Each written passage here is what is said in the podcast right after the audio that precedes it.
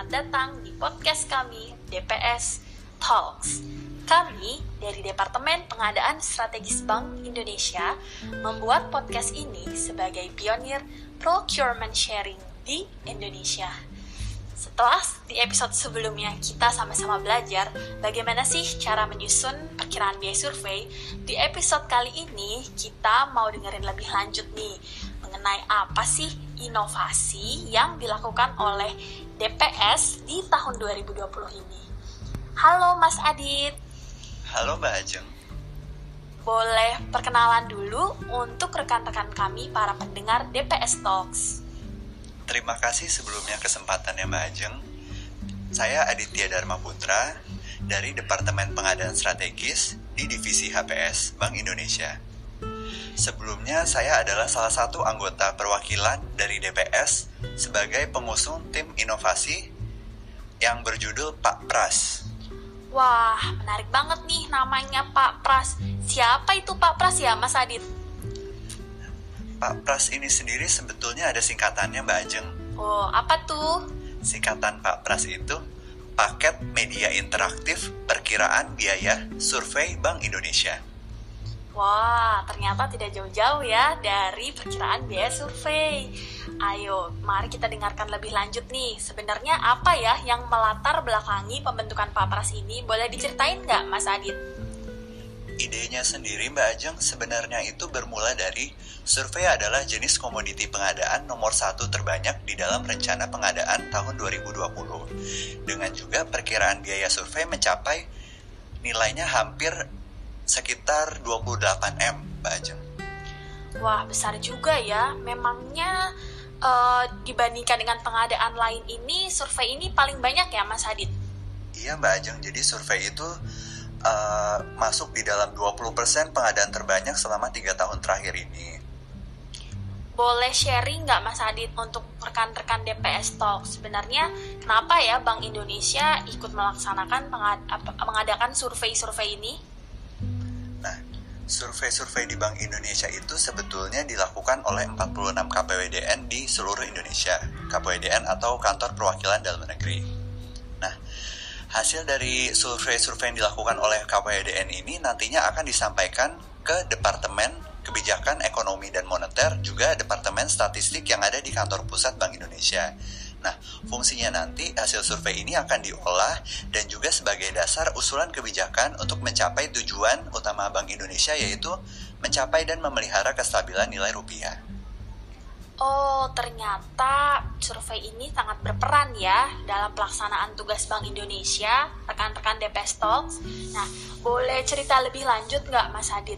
Uh, apa sih inovasi dari Pak Pras ini masalahnya tuh yang diangkat apa sehingga perlu ada inovasi Pak Pras ini. Nah, dari penyusunan kewajaran biayanya itu kami menemukan ada tiga masalah utama Mbak Ajeng.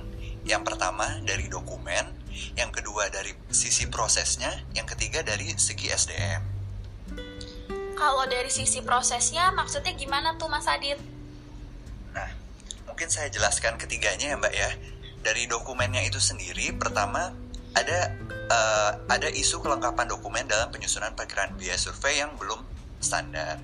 Nah, yang kedua yang Mbak Ajeng tanyakan dari sisi proses, ada beberapa masalah yang kami temukan, yaitu adanya struktur biaya yang belum tepat antar KPWDN, uh, eh, perhitungan perkiraan biaya yang belum konsisten, kualifikasi personil yang belum ada, asumsi biaya yang masih belum masih tidak seragam, dan juga belum adanya sistem knowledge repository atau um, sebagai penyimpanan pengetahuan untuk pegawai baru dalam menyusun perkiraan biaya pekerjaan survei.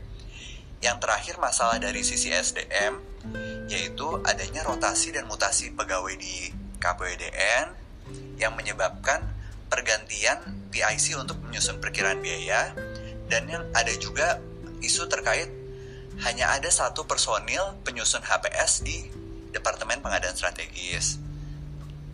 Wah, ternyata ada beberapa ya masalahnya yang mendasari dari inovasi ini. Boleh diceritain lebih lanjut nggak, Mas Adit?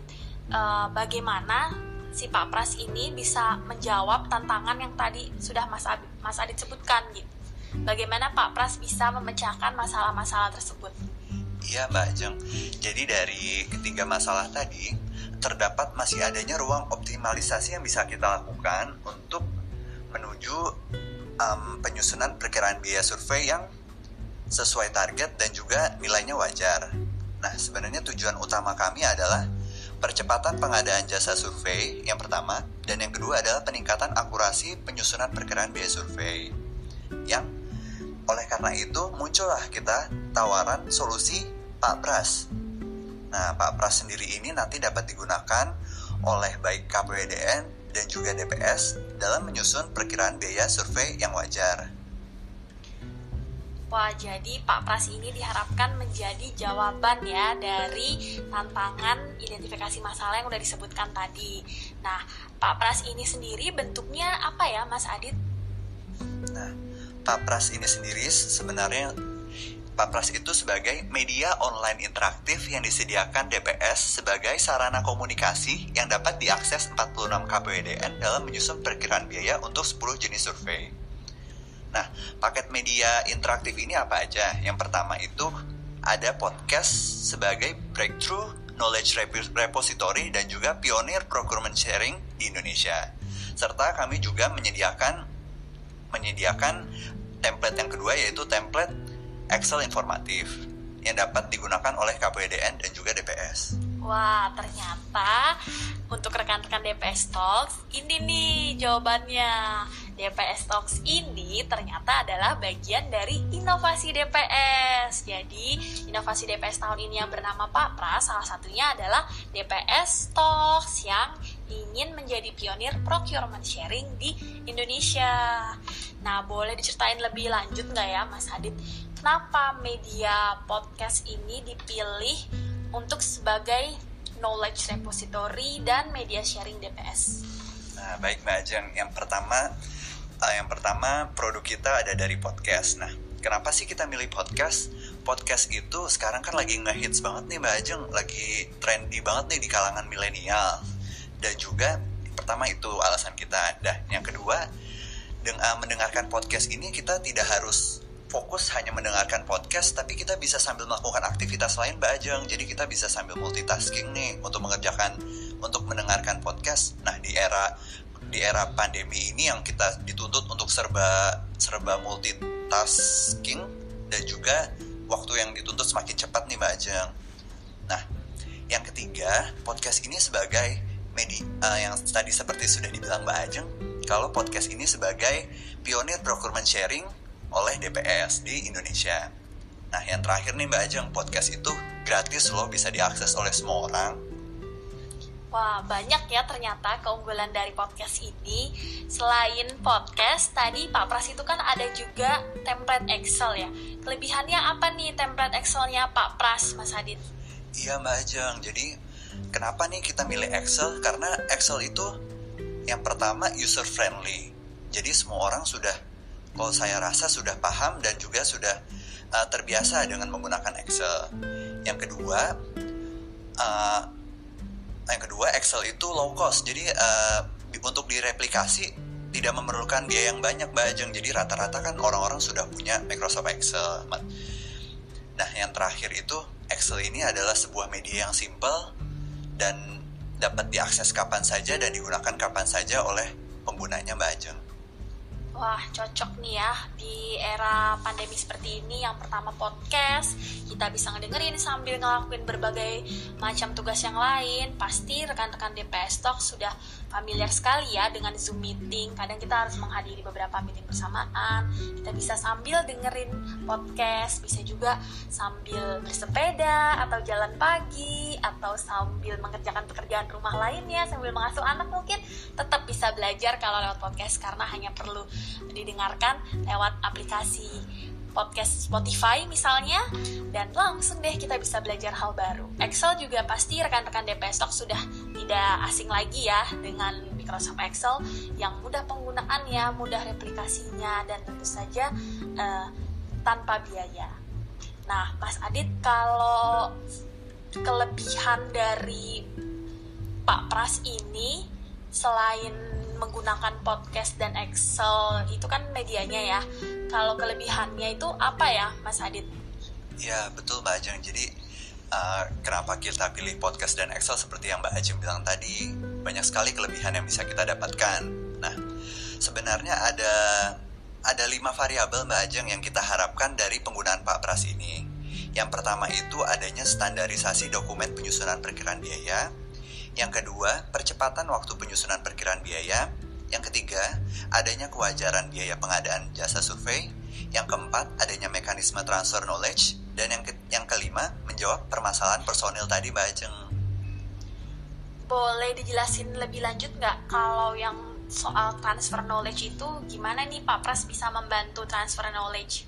Oh iya Mbak Ajeng, jadi kan kami temukan itu masalah di KPWDN itu pegawainya silih berganti Mbak Ajeng. Jadi uh, uh, potensi mutasi pegawai itu sangat tinggi di KPWDN.